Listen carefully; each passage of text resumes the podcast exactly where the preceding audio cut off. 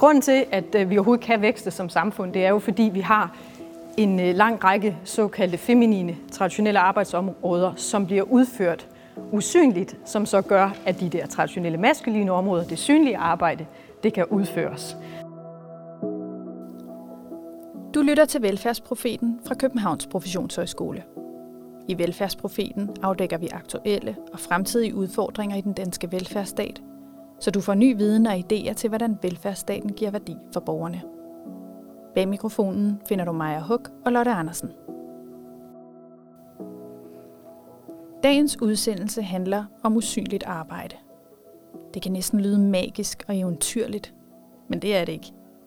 Usynligt arbejde er både hårdt og tidskrævende. Det er det uformelle arbejde, som ikke i tale sættes, men som ofte udgør den lim, der får det hele til at hænge sammen, både derhjemme og på arbejdspladsen. Det usynlige arbejde har altså en vigtig samfundsbærende funktion. Alligevel er det ikke noget, vi taler om eller belønner. Hvorfor er det sådan? Og hvorfor er det som oftest kvinder, der løser de usynlige arbejdsopgaver? Det undersøger vi i dag, hvor vi taler med feminist og komiker Sanne Søndergaard.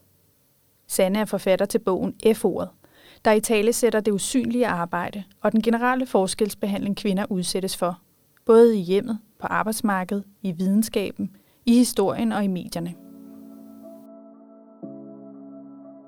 Kvinder har typisk altid lavet en eller anden form for lønarbejde. De har syet for andre, og de har vasket trapper. De har gjort alt muligt for at hjælpe manden med at opretholde den her illusion om, at han kunne forsørge familien.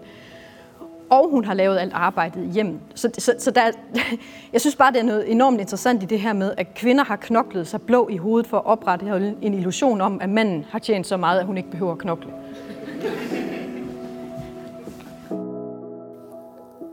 I dagens udsendelse har vi fået hjælp af en gæstevært, Oda Amalie Andreasen. Oda Amalie er Lottes datter og vikarierer for mig, Maja, som desværre ikke havde mulighed for at deltage i interviewet med Sanne.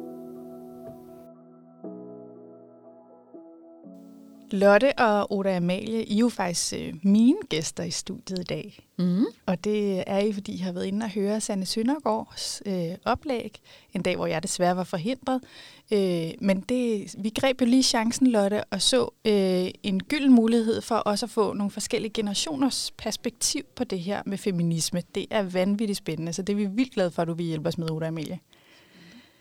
I er jo mor og datter, mm. men samtidig også kvinder af forskellige generationer, kan man sige. Oda Amalie, du er såkaldt generation Z, mens Lotte og jeg er generation X. Yes. Øh, så, så det er jo spændende at høre, hvordan I hver især forstår begrebet, og så må vi jo øh, se, det kan jo selvfølgelig godt være, at der er noget gensidig afsmittende effekt, da I har boet sammen i mange år. Ikke? Mm. Men, øh, men jeg kunne godt tænke mig at høre, hvordan I hver især forstår begrebet feminisme. Måske kan du lægge ud, Oda Amalie? Ja, Altså, øh, jeg ser det først og fremmest som nogen, der går ind for, at kvinder og mænd skal være fuldstændig ligestillede. Øh, og jeg synes, at jeg kan huske både tilbage i folkeskolen og også på gymnasiet, at der var mange, når man snakkede om det, det var sådan et fyord. Jeg tror, at Sanne Søndergaard kaldte det også for F-ordet eller sådan noget. Mm. Og jeg tror egentlig, det handler om, at folk ikke ved, hvad det egentlig betyder. Altså, jeg tror, at der er nogen, der tror, at det er sådan en gruppe kvinder, der kommer frem marchende og tror, at nu er det kvindernes tur til at herske. Så jeg synes, det er ret vigtigt at få sat fokus på, at det betyder, at alle skal være ligestillede. Og måske især i dag nu, hvor man også ser mange forskellige køn og seksualiteter, så ikke kun mænd og kvinder skal være ligestillede, men at alle skal være ligestillede. Og det her med ligestilling er jo også noget, der nogle gange bliver debatteret, fordi hvad, hvad ligger der egentlig i at være ligestillet i din optik? Ja, det, det synes jeg også er meget svært. Og jeg tror også, altså man er kommet ret langt med, at kvinder skal kunne komme ind på arbejdsmarkedet og sådan. Så vi er virkelig nået ned i nogle små detaljer, hvor det er utrolig svært at blive præcis ligestillet. For man må sige også med barsel og den slags, der er bare nogle biologiske forskelle. Så det er virkelig svært at blive 100% ligestillet. Også i forbindelse med den nye barselslov, så synes jeg også, man, altså, måske kommer det nærmest for meget fokus på, at, man, altså, at kønnene skal være ligestillet, og det kommer til at gå over, hvordan børnene skal have det. Eller sådan. Så det er virkelig svært at blive 100% ligestillet.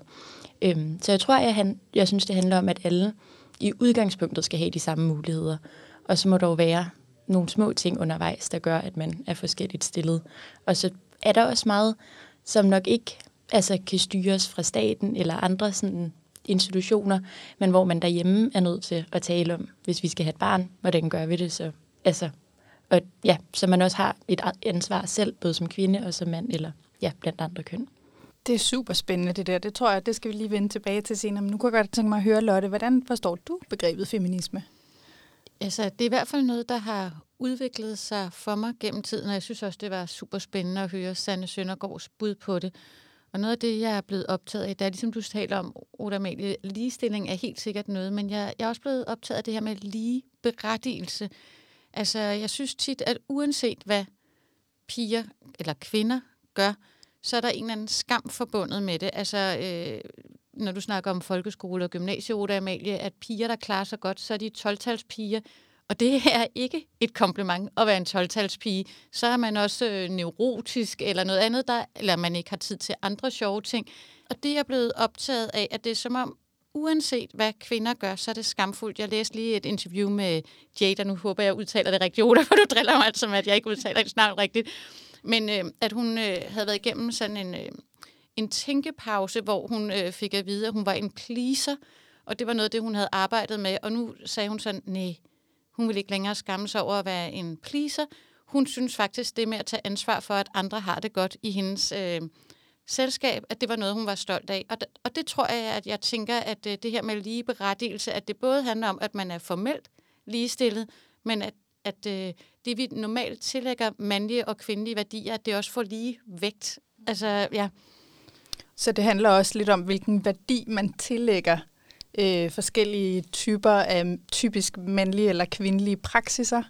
Ja, og at den samme, hvad skal man sige, det, den samme akt eller øh, handling, at det, at det ikke bliver vurderet forskelligt efter, om det er en dreng eller en pige. Hvorfor hører vi ikke om alle 12 Det, det er meget sjældent, at jeg hører det som noget problematisk. Jeg kan faktisk ikke huske, hvornår. Tværtimod så snakker man om, at det er problematisk, at drenge ikke klarer sig godt i uddannelsessystemet, mens det åbenbart samtidig også er problematisk, at kvinder gør. Mm. Det synes jeg er interessant, at, øh, at vi vurderer en handling forskelligt efter, om det er en mand eller en kvinde, der udfører den. Er det noget, du kan genkende, Ulla Amalie? Ja, det er det helt sikkert. Jeg synes, man så det også lidt der, da, da der var fodbold sidste sommer, at, øh, med landsholdstræneren Julemand, Kasper Julemand, mm. der græd, og at det var frem, at mænd de kan også græde, og det var virkelig sejt, og sådan, og der har været udsendelser om ham efterfølgende, og alt muligt, fordi at han græd. Mm. Og sådan ser man det ikke på samme måde øhm, når kvinder græder, så er det netop, de er pleaser, og de skal virkelig overveje, vil du gerne være en pleaser, og de der følelser, de skal pakkes væk. Og sådan. Så jeg synes, det er meget interessant, at øhm, en kvinde, hun har de karaktertræk, der ofte forbindes med kvinder, så er det dårligt. Hvis hun påtager sig dem, der ofte forbindes med mænd, så er det dårligt. Og en mand, hvis han har sine egne, eller de karaktertræk, der typisk forbindes med mænd, er det godt. Og hvis han påtager sig kvinder, er det også godt. Det er virkelig svært at klare det godt som kvinde. Nej, det er svært at vinde den der. ja. Det må man bare sige.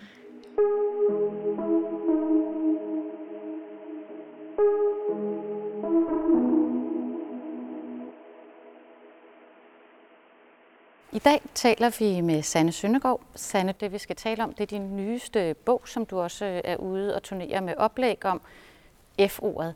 Kunne du ikke lige sige, hvad er det for noget, F-ordet? F-ordet, det er feminisme, helt kort. Øh, og den hedder F-ordet, fordi vi øh, jo har, har det som om, at F- feminisme er et skældsord. Så øh, som om det var at sige fuck. Det er næsten værre. Man ødelægger næsten stemningen mere, hvis man siger feminisme, end hvis man siger fuck. Øhm, så det er en bog, der helt grundlæggende handler om, hvad feminisme er, og hvad vi skal bruge den til, øh, og hvad problemet, som feminisme løser, er. Øh, fordi vi har enormt mange, øh, vi har enormt mange samtaler om sexisme, seksuelle krænkelser, MeToo, øh, omsorgsarbejde, der bliver dårligt lønnet, øh, maskuline værdier, kønsroller, øh, børneopdragelse. Vi har enormt mange samtaler, der faktisk handler om køn, øh, hvor feminisme er svaret, men vi ved ikke, at det ligesom hænger sammen. Vi, øh, vi tager mange af de her samtaler hver for sig, hvorimod feminismen, feminismen ligesom går ind og siger, jamen der er en sammenhæng imellem, at sygeplejersker får, får dårligere løn, og at kvinder ikke får lige så mange orgasmer i sengen, og at vi fortæller piger, at de skal sidde pænt og tige stille stadigvæk 2022. Der er en sammenhæng, og sammenhængen det er jo, at det traditionelt kvindelige er usynliggjort og undertrykt stadigvæk. Og det skal vi tale mere om, men kunne du ikke lige starte med at redegøre for, hvad er feminisme egentlig? Jamen, øh, feminisme er øh, kuren mod sexisme, altså patriarkatet, altså det her, der undertrykker de feminine værdier i samfundet. Det er grundlæggende set sådan, at de feminine værdier har lavere værdi end de maskuline værdier. Det er sådan helt... Og det er derfor, det hedder feminisme. Og det er derfor, det ikke kan hedde alt muligt andet, fordi det er ligesom vi kalder sygehus, sygehus, fordi det er der, vi tager hen og behandler de syge. Ikke? Altså det, det er kuren mod et samfund, der i for lang tid har vægtet såkaldt maskuline værdier og egenskaber og kvaliteter og så videre for højt og, og under, underværdisat og usynliggjort de feminine. Og det kan jeg sådan set godt følge i sådan et økonomisk spor, men hvis vi taler et mere symbolsk spor, er det så stadig sådan? For der tænker jeg egentlig, at kvinde, kvindelighed og det feminine næsten er blevet guddommeligt gjort. Altså man kan tale om Jomfru Maria, eller det hellige moderskab, eller... Øh... Ja, øh, og, det, og det er sjovt, fordi det er jo faktisk øh, et eksempel på det, der hedder, som jeg også kommer til at tale om i dag, godartet sexisme. Altså hvor man øh, ophøjer det feminine til noget helt særligt som, øh, som, har en høj, altså man påstår har en høj værdi, men som egentlig, øh, hvad skal man sige, retfærdiggør det grundlæggende, at det feminine er mindre værd end det maskuline. Så det er sådan en, en, en, en, en, en, en, en bag, det er sådan noget, man siger til møder, og øh, til, til kvinder, ikke? Åh, du er så moderlig, du er så omsorgsfuld, underforstået, så du skal selvfølgelig ikke have den samme løn for dit arbejde, eller, eller du er så god og mild, så selvfølgelig bliver du ikke vred, hvis der er nogen, der tramper hen over dine grænser. Så det, det er egentlig en måde at holde kvinder og det kvindelige tilbage på, men som, som ligesom under dække af, at man fortæller, at det er noget særligt. Så det er ret snedigt.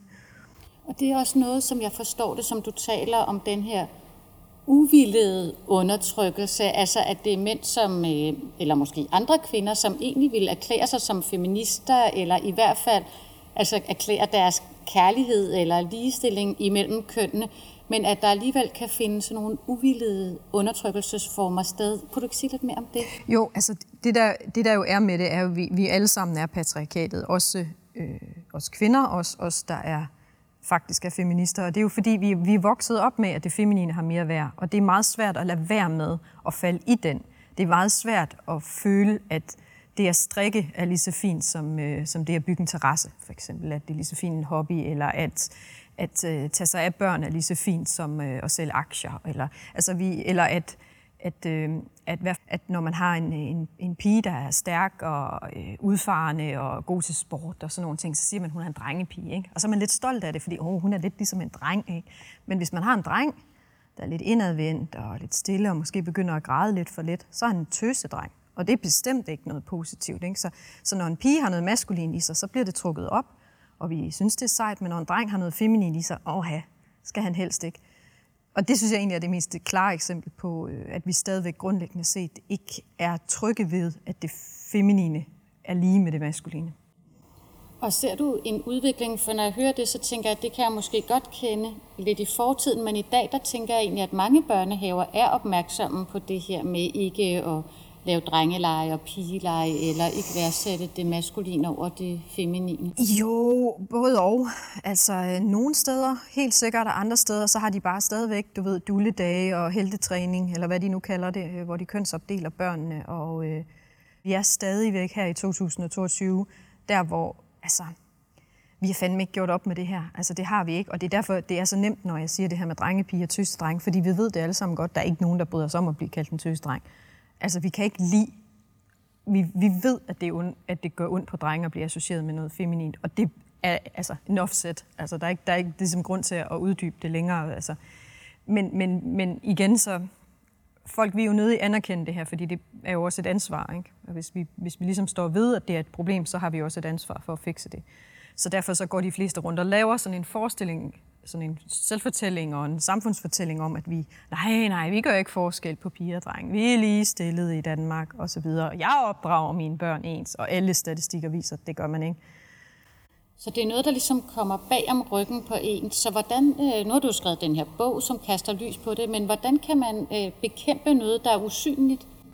Altså det, det, det er det, jeg øh, ligesom har videt øh, min, øh, min karriere til, kan man sige. Det er jo at tale om det. Jeg tror ikke, altså, vi er i hvert fald nødt til at give det navn først. Vi er nødt til at talsætte det, og det er jo også derfor, jeg har det her foredrag, der hedder Kvinders usynlige arbejde, som grundlæggende set handler om at tale, give, give de forskellige former for arbejde, som kvinder traditionelt har udført, et navn, fordi selv, selv når mænd udfører det, vi ved jo stadigvæk ikke, hvad det hedder. Det, det findes nærmest ikke. Altså det, det, det, det, det, er der, og det er det, der får samfundet og relationer til at køre. Men fordi vi ikke i tale sætter det, og fordi det ikke har nogen værdi, så, så, så, så ved vi ikke, at det er der. Og så kan vi jo slet ikke begynde, at, når vi ikke har nogen sprog for det, så kan vi slet ikke begynde at tale om det. Så først skal vi have et sprog for det, og så skal vi begynde at tale om det. Og så holder det op med ligesom at være usynlige strukturer. Så begynder det måske at blive lidt mere bevidste ting, vi sådan, altså, så jeg, jeg tror grundlæggende set på det der med, at når man, når man vender lommelygten imod spøgelset, så bliver det mindre uhyggeligt. Altså, så, så ved vi i hvert fald, hvad der foregår. Så lad os få kastet lys på det usynlige arbejde, så vi kan få mere viden om, hvad der foregår. Sanne Søndergaard opdeler det usynlige arbejde i fire kategorier. Husarbejde, koordinationsarbejde, omsorgsarbejde og følelsesarbejde. Husarbejde, det er husholdersken, øh, kan man kalde hende. Øh, det er hende, og nu siger jeg hende, fordi det er stadigvæk kvinder, der står for det meste af husarbejdet, selvom mænd er kommet bedre på banen. Det er det arbejde, øh, der kan ses, man gør derhjemme, i hjemmet. Eller det kan i hvert fald ses, hvis man ikke gør det. Kan man sige. Det er altid rengøring og oprydning og madlavning og alle de der ting. Og øh, statistisk set, så bruger kvinder en time mere om dagen, end mænd gør på husligt arbejde og det er i alt 3,5 timer om dagen. Det er altså meget. Især når man bruger en time mere end sin partner. Så på en uge, så løber det jo op. Det begynder nærmest at ligne en arbejdsdag mere, man bruger på det her. Og øh, sjovt nok, så bruger kvinder så også den time mindre på deres lønarbejde, end mænd gør. Og der kan vi jo godt begynde at se, hvad der så sker med folks formuer og pension, når kvinden laver alt det usynlige, ubetalte arbejde hjemme, mens mændene de er ude at tjene pengene. Og så er der lige nogle politikere, der synes, at ej, par, ægteskaber, de skal, hvad hedder det, parforhold, de skal da ikke dele pension og beskilsmisse og sådan noget længere. Og øh, det der med at dele formuerne helt lige og sådan noget, det gør man ikke. Så lige pludselig så har vi altså, vi har altså simpelthen bare en økonomisk skævvridning, og det er jo også med til at for eksempel at, at påvirke det her med ligelønnen ude på, på arbejdsmarkedet, at kvinder de er mindre til rådighed og har mere oftest tager deltid osv., og, og det gør de, fordi de tager mere af husarbejdet derhjemme. Men det er jo det her, man kan måle statistisk set. Der kan man simpelthen spørge, hvem laver det, og hvor meget tid bruger I på det. Det interessante er også, når man ser på de opgaver, der skal løses i et hjem, så, øh, så dem kvinder traditionelt har stået for, det er de opgaver, der skal løses her og nu. Altså det er madlavning, det er blæskifte, det er gulvvask, det er, det er ting, der skal laves her og nu, og de skal laves hver dag, det er cirkulært, det skal laves hele tiden, og man kan nogle gange lidt føle, at man ikke kommer nogen vegne, fordi når man er færdig den ene ende, så starter man forfra, og forfra og forfra og om igen, som de synger i den der heksedansen. Ikke? Her kommer mutter med kost og spand, som jo er irriterende, og jager rundt med sin mand, fordi hun skal gøre rent hele tiden. Ikke? Hvorimod manden, han kan lige stå og hygge sig med at snitte nogle brædder ud i skuret og slå noget græs. Det er nemlig opgaver, der ikke behøver at blive løst her nu. Det er opgaver, man kan sådan lige tage, når man har overskud lige i weekenden. Så kan man lige vaske bilen, eller man kan tage den på værkstedet. Det er meget sjældent så presserende opgaver. Så inden for fordelingen af husarbejdet, der har man typisk også øh, gjort en forskel, som simpelthen gør, at kvinden faktisk er mere anstrengende. Så det var husarbejdet. Men bag ved husarbejdet ligger den opgave, som Sanne omtaler som koordinationsarbejdet. Lad os lige høre, hvad hun siger om det.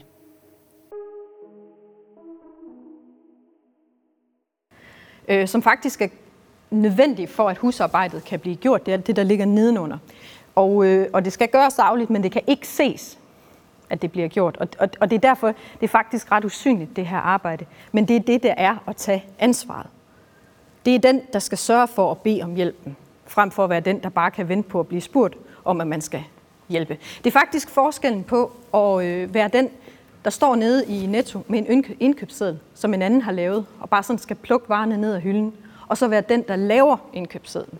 Det vil sige, den, der skal vide, hvad der mangler, og hvad der skal bruges, og hov, vi skal også have købt ind, øh, vi skal købe glutenfri øh, pastaplader til lasagnen i weekenden, fordi søster Marie kommer på besøg, og hendes lille er i udredning for cøliaki. Det er også noget omsorgsarbejde. Men pointen er, vi har ligesom et, et arbejde, der foregår nedenunder husarbejdet, hvor man er i gang med at koordinere det og planlægge det. Og det er også derfor, det er ikke noget, man måler. Der, der bliver meget sjældent lavet statistik på det her, fordi det er jo ikke noget, du sætter dig ned og gør. Det er jo ikke sådan, at du, øh, altså, når du kommer hjem fra arbejde, så, lige sætter dig en halv time og lige planlægger ting. Det, det er jo noget, du gør, mens du gør andre ting.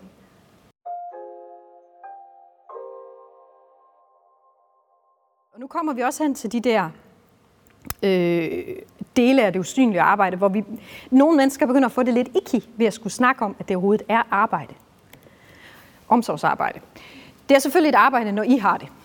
Når I er ude og får løn for det. Ikke god nok løn, men, øh, men løn trods alt. Øh, men det er jo også et arbejde, der fungerer meget i hjemmet. Øh, som jeg sagt, jeg har kaldt det en alt mulig plejerske. Det er kærlighed, der kan ses.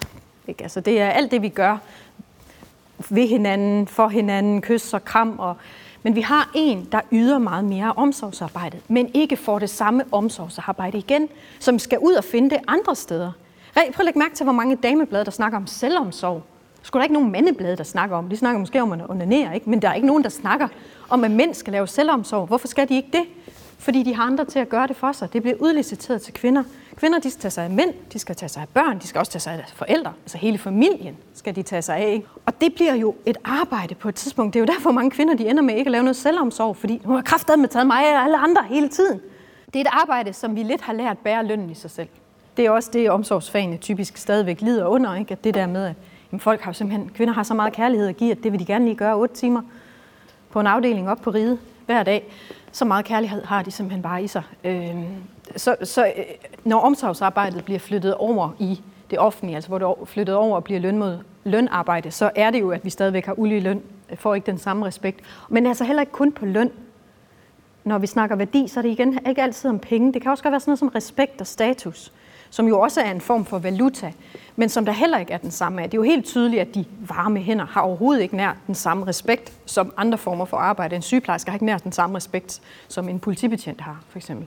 Læg mærke til, at det er bare sådan noget simpelt noget som, og trist, men øh, hvis en politibetjent bliver dræbt, i, mens han er i tjeneste, så sørger hele, hele Danmark nærmest ikke. Men hvis en social øh, arbejder bliver dræbt af en psykisk syg patient eller sådan noget, vi hører vi nærmest ikke om det. Og det er fordi, politibetjentens arbejde, det er en traditionelt maskulin jobfunktion. Det er beskytter, det er ude i samfundet, det er offentligt. Hvorimod øh, at være socialarbejder, det er ligesom inde i det traditionelt feminine private område. Så bare grundlæggende set, vi har mange steder, hvor vi værdiforskels gør det traditionelt feminine og traditionelt maskuline arbejde. Den sidste kategori i det usynlige arbejde er det følelsesmæssige arbejde. Det præsenterer Sanne her.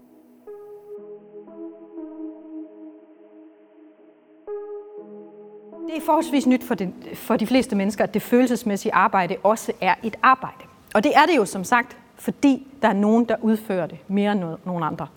Både øh, i hjemmet, men også på arbejdspladser og i alle relationer i princippet. Jeg har valgt at kalde det en døgnterapeut. Og det er kærlighed, der kun kan mærkes. Fordi det, det er, hvad kan man sige, det er mentale krammer. Det er simpelthen øh, at vide, hvor andre er, og have styr på sit eget shit. Det lyder simpelt, det er det satme ikke. det kræver enormt meget. Det kræver, at man er, at man nærmere, man er til stede, at man er i stand til at lytte til, hvad andre fortæller en. Ikke bare det, de fortæller en med ord, men også det, de fortæller en med kropssprog. Ikke? At man kan se på en kollega, at vedkommende er lidt nede, så man lige går hen og giver dem en krammer, eller at man ved, at ens datter har haft en konflikt med Alexander hen i skolen, så man skal lige tjekke op på, om hun har okay, og sådan nogle ting.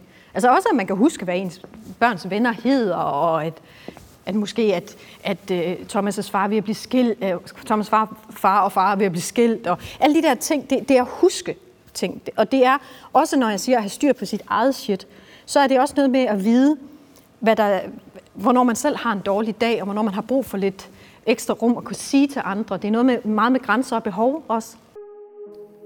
Som Sanne advarede om, så er omsorgsarbejdet og det følelsesmæssige arbejde to elementer af det usynlige arbejde, som kan trigge fordi det ikke opleves som arbejde. Og det gjorde sig også gældende hos både Lotte og Oda Amalie. Efter oplægget spurgte Oda Amalie Sande. For et godt oplæg. Det var virkelig interessant.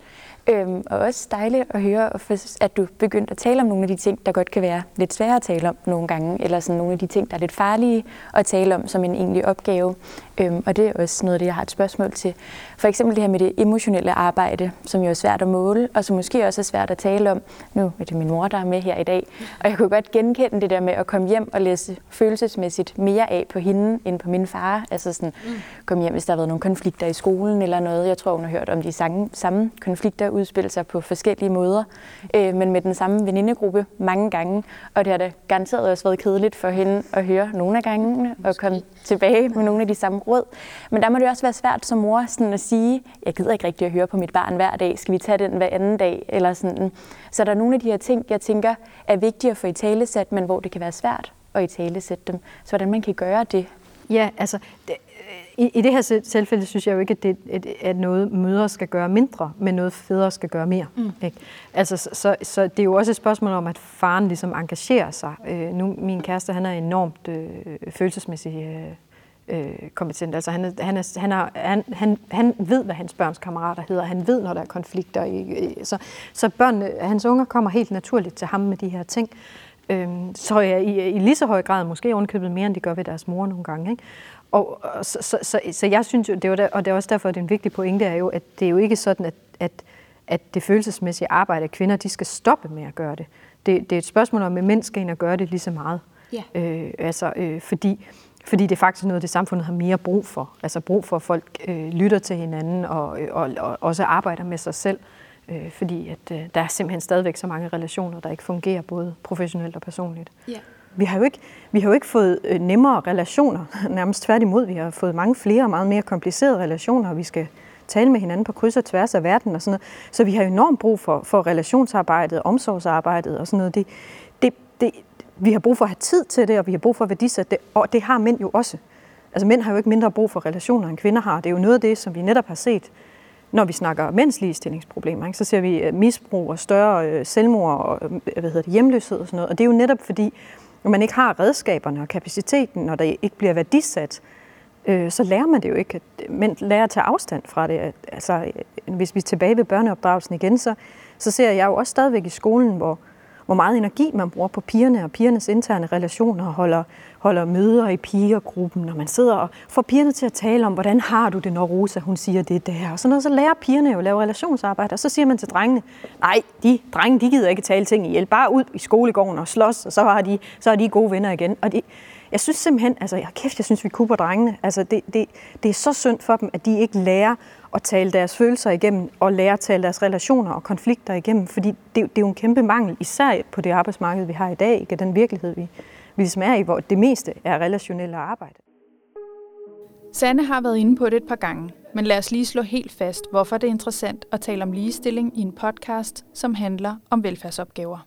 Vi tager jo faktisk alle jobfunktionerne med på, øh, på arbejdet. Vi tager øh, husarbejde med på arbejde, vi tager øh, koordinationsarbejde med på arbejde, vi tager omsorgsarbejde med på arbejde, og vi tager emotional labor med på arbejde. Det er fordi, det forventes, at kvinder udfører de samme funktioner på arbejde. Så det forventes, af kvinderne de laver husarbejde, som er at tørre bord af, men det er også at lave kaffe, lige rydde af efter møder og så videre, eller sørge for, at der måske lige er bagt en kage og sådan nogle ting. Det er husarbejde, der bliver taget med på arbejde.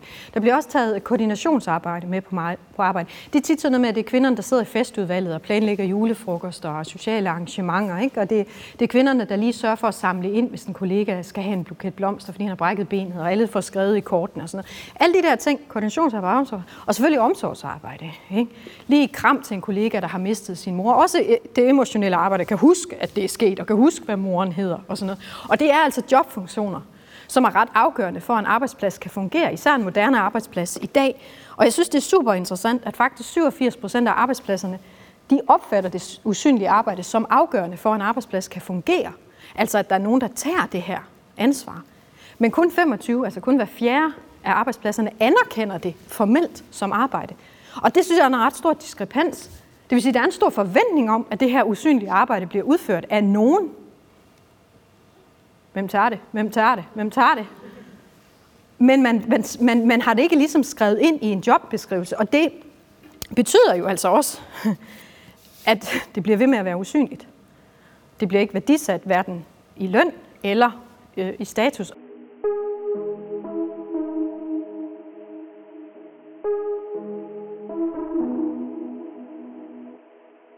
Det her med det usynlige arbejde, var det noget, der sådan vagte genklang hos dig, Oda Ja, det, det var det. Øhm, ikke så meget øhm, noget, jeg sådan har oplevet, at jeg selv er blevet udsat for.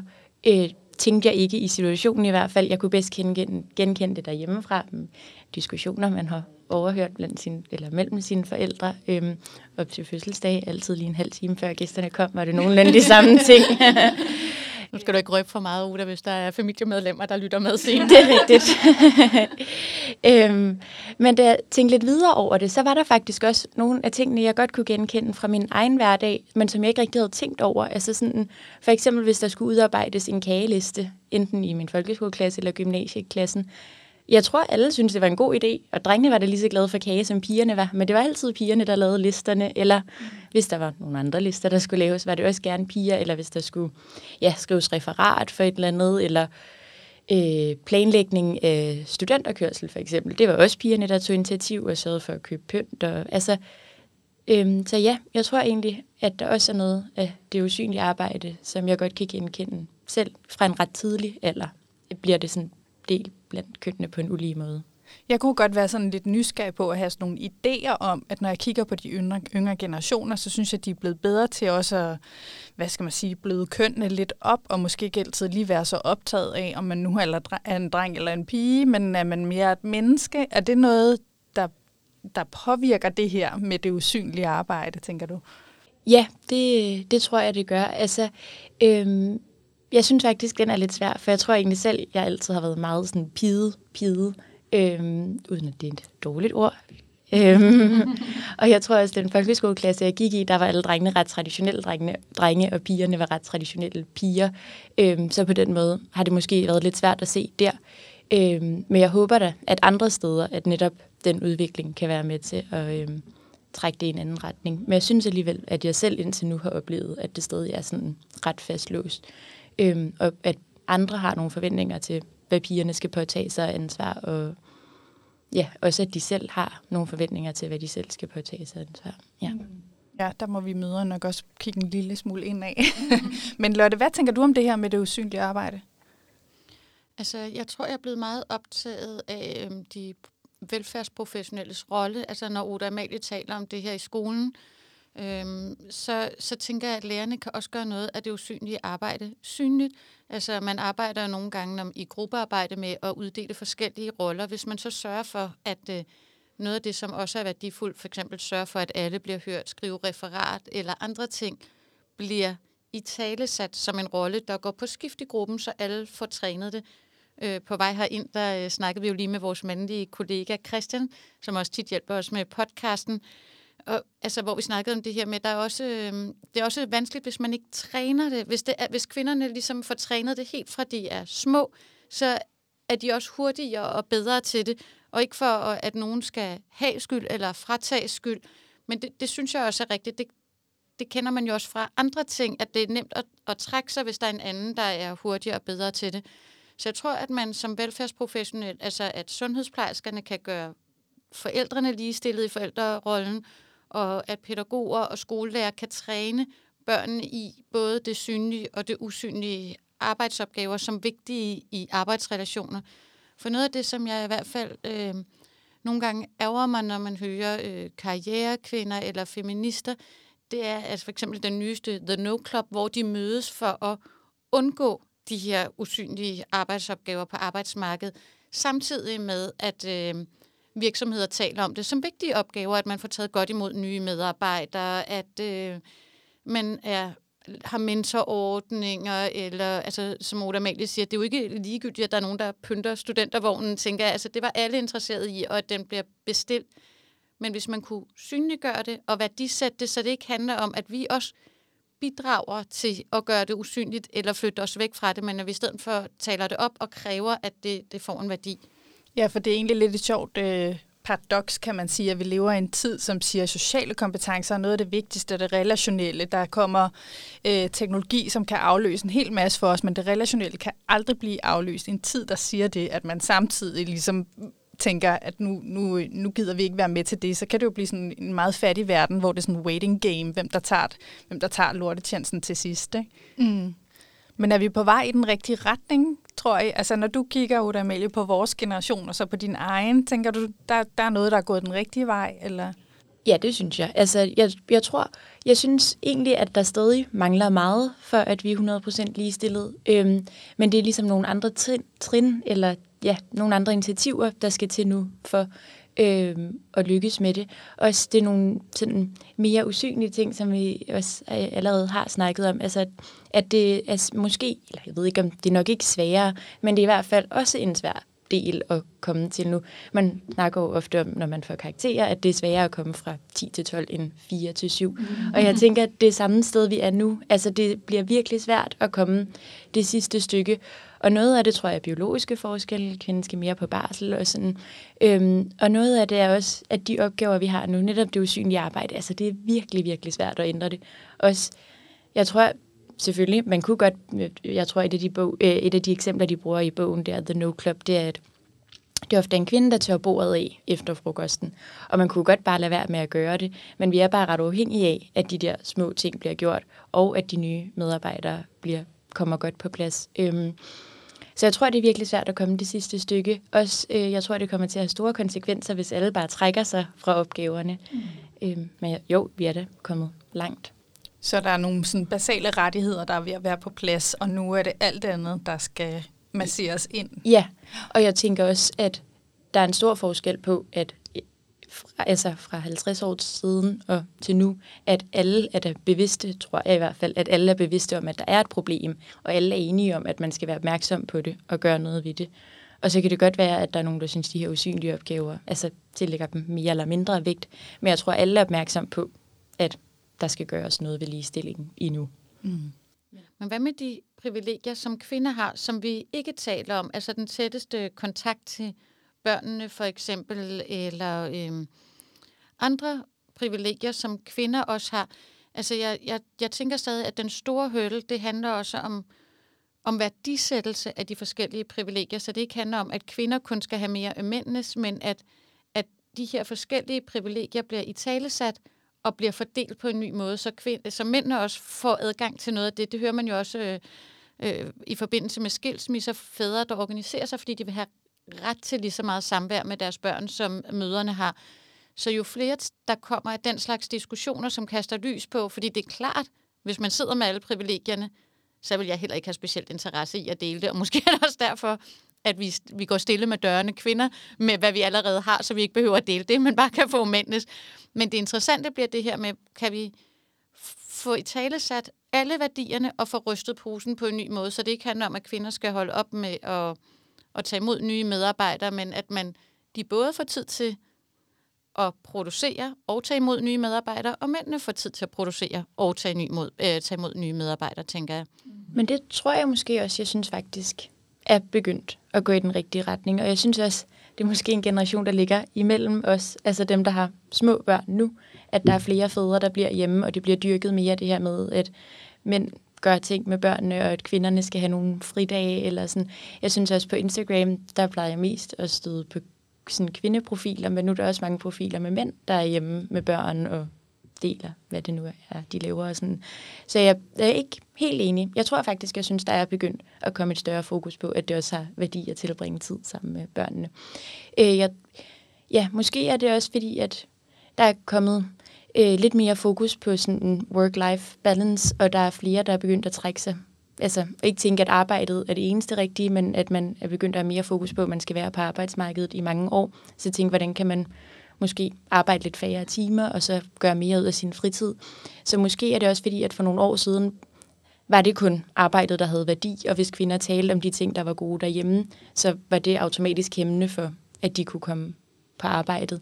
Øhm, hvor jeg tror, at i dag der er det blevet mere okay at tænke, at det også er fedt at have fri fra arbejde og dyrke sin fritid mere. Mm. Ja. ja, nu, vi har jo både talt om øh, arbejdsplads, vi har også talt om det derhjemme, og i virkeligheden er det måske også noget med, at vi tænker, at nogle af de værdier, som vi gerne vil skubbe til nu, øh, ligger også derhjemme og i vores opdragelse og vores parforhold og sådan noget, vores påvirkning af hinanden som mennesker. Men er der alligevel også noget, Lotte, du tænker som uddanner af kommende velfærdsprofessioner, af socialrådgiver og socialformidler, du tænker, der er vigtigt at bære med ind i dit uddannelsesarbejde? Øh, ja, altså jeg, jeg tænker, at øh, vi alle sammen har nogle forforståelser, der går bag om ryggen på os. Og øh, jeg kan huske, at vi jo begge to blev øh, undervist af Marianne Skytte, da vi læste på kandidatuddannelsen. Øh, og hun snakker om det her med, at når det er nogen, der minder om os selv, så situationsforklarer vi noget. Altså det var det unikke ved situationen, der fik en til at handle på den måde. Men når det er nogen, der er anderledes end os, så egenskabsforklarer vi.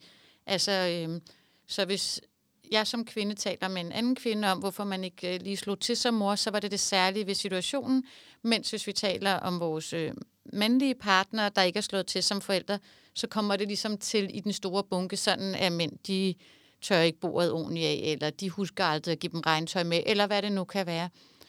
Og jeg tror, man kan, ja, gennem sprog, gennem genhistoriefortælling kan gøre noget, men jeg tror også det her med at få en øget diversitet, både i øh, alder og køn og, kulturel sammensætning, det tror jeg har stor betydning, for jeg tror, det, det er svært at, at gå bag om sine egne forforståelser. Det gør man bedst ved at være sammen med nogen, som er anderledes end en selv, som udfordrer en, og hvor man ser sådan, gud, du gør det på en anden måde. Det jeg altid har tænkt som, selvfølgelig, det gør du på en anden måde. Jeg kan se, det også fungerer. Og det, det kan jeg i hvert fald se på, jeg underviser jo på, på øhm, øh, to forskellige hovedområder. Det ene, det er øh, på børne- og ungeområdet, som er meget øh, domineret af, af, af kvinder i... Øh, altså i nogenlunde samme aldersgruppe, og så øh, underviser jeg også på diplomuddannelsen i socialformidling, og der er en anden diversitet, og jeg kan mærke, at lige præcis mine egne forforståelser bliver mere udfordret der. Altså, øh, for eksempel så underviser jeg ofte i resiliens og modstandskraft, og så er sådan et klassisk eksempel der, det er, at øh, resiliens det bliver svækket, når man øh, hvis man bliver udsat for mere modstand, end man kan klare. Og så har jeg i overvis brugt uh, eksemplet med, at det er ligesom et par nylonstrømper, der bliver for slidte. Og så var der en mand, der, en mandlig studerende, der rakte hånden op og sagde sådan, altså det eksempel, det gav ham ingen indre billede. og det der med, nej, det har du ret i. Det er faktisk allerede der, så ekskluderer jeg nogen. Han kunne måske godt forestille sig det, men jeg synes egentlig det der med at udfordre mig i, nu taler du til kvinderne, du taler indforstået ind til kvinderne. Og der kan jeg mærke, at vi har øh, ja, der er en stor spredning i alder, også efterhånden både i køn og forskellige kulturel øh, baggrund. Og det gør noget ved diskussionerne. Det gør, at man bliver udfordret på sin forforståelse. Så det, det tænker jeg egentlig, det her med at sørge for diversitet i velfærdsprofessionerne, velfærdsprovisionerne, det er det allervigtigste. Det lyder som en virkelig fornem opgave, vil jeg sige. I skal have tak begge to, fordi I ville dele jeres perspektiver på øh, feminisme. Det var super spændende. Jeg tror især, at jeg er også blevet inspireret af det her med, at der er noget, der knytter sig til en arbejdssfære, noget til en privatsfære. Øh, og så synes jeg, at de her perspektiver med, at det handler også om, hvad for en værdi vi tillægger tingene. Altså det ikke kun bliver en krig om rettigheder eller øh, hvem der nu lige gør hvad, men at det også bliver et spørgsmål om, at vi får båret nogle af de ting frem, som kvinder gør, som er usynlige, og får lagt dem på en anden måde. Det synes jeg er et super, super øh, vigtigt perspektiv. Så øh, tak fordi, at øh, jeg fik lov til at øh, interviewe jer i dag. Det har været en fornøjelse. Ja, tak for at få lov at være gæst. tak fordi jeg måtte være med.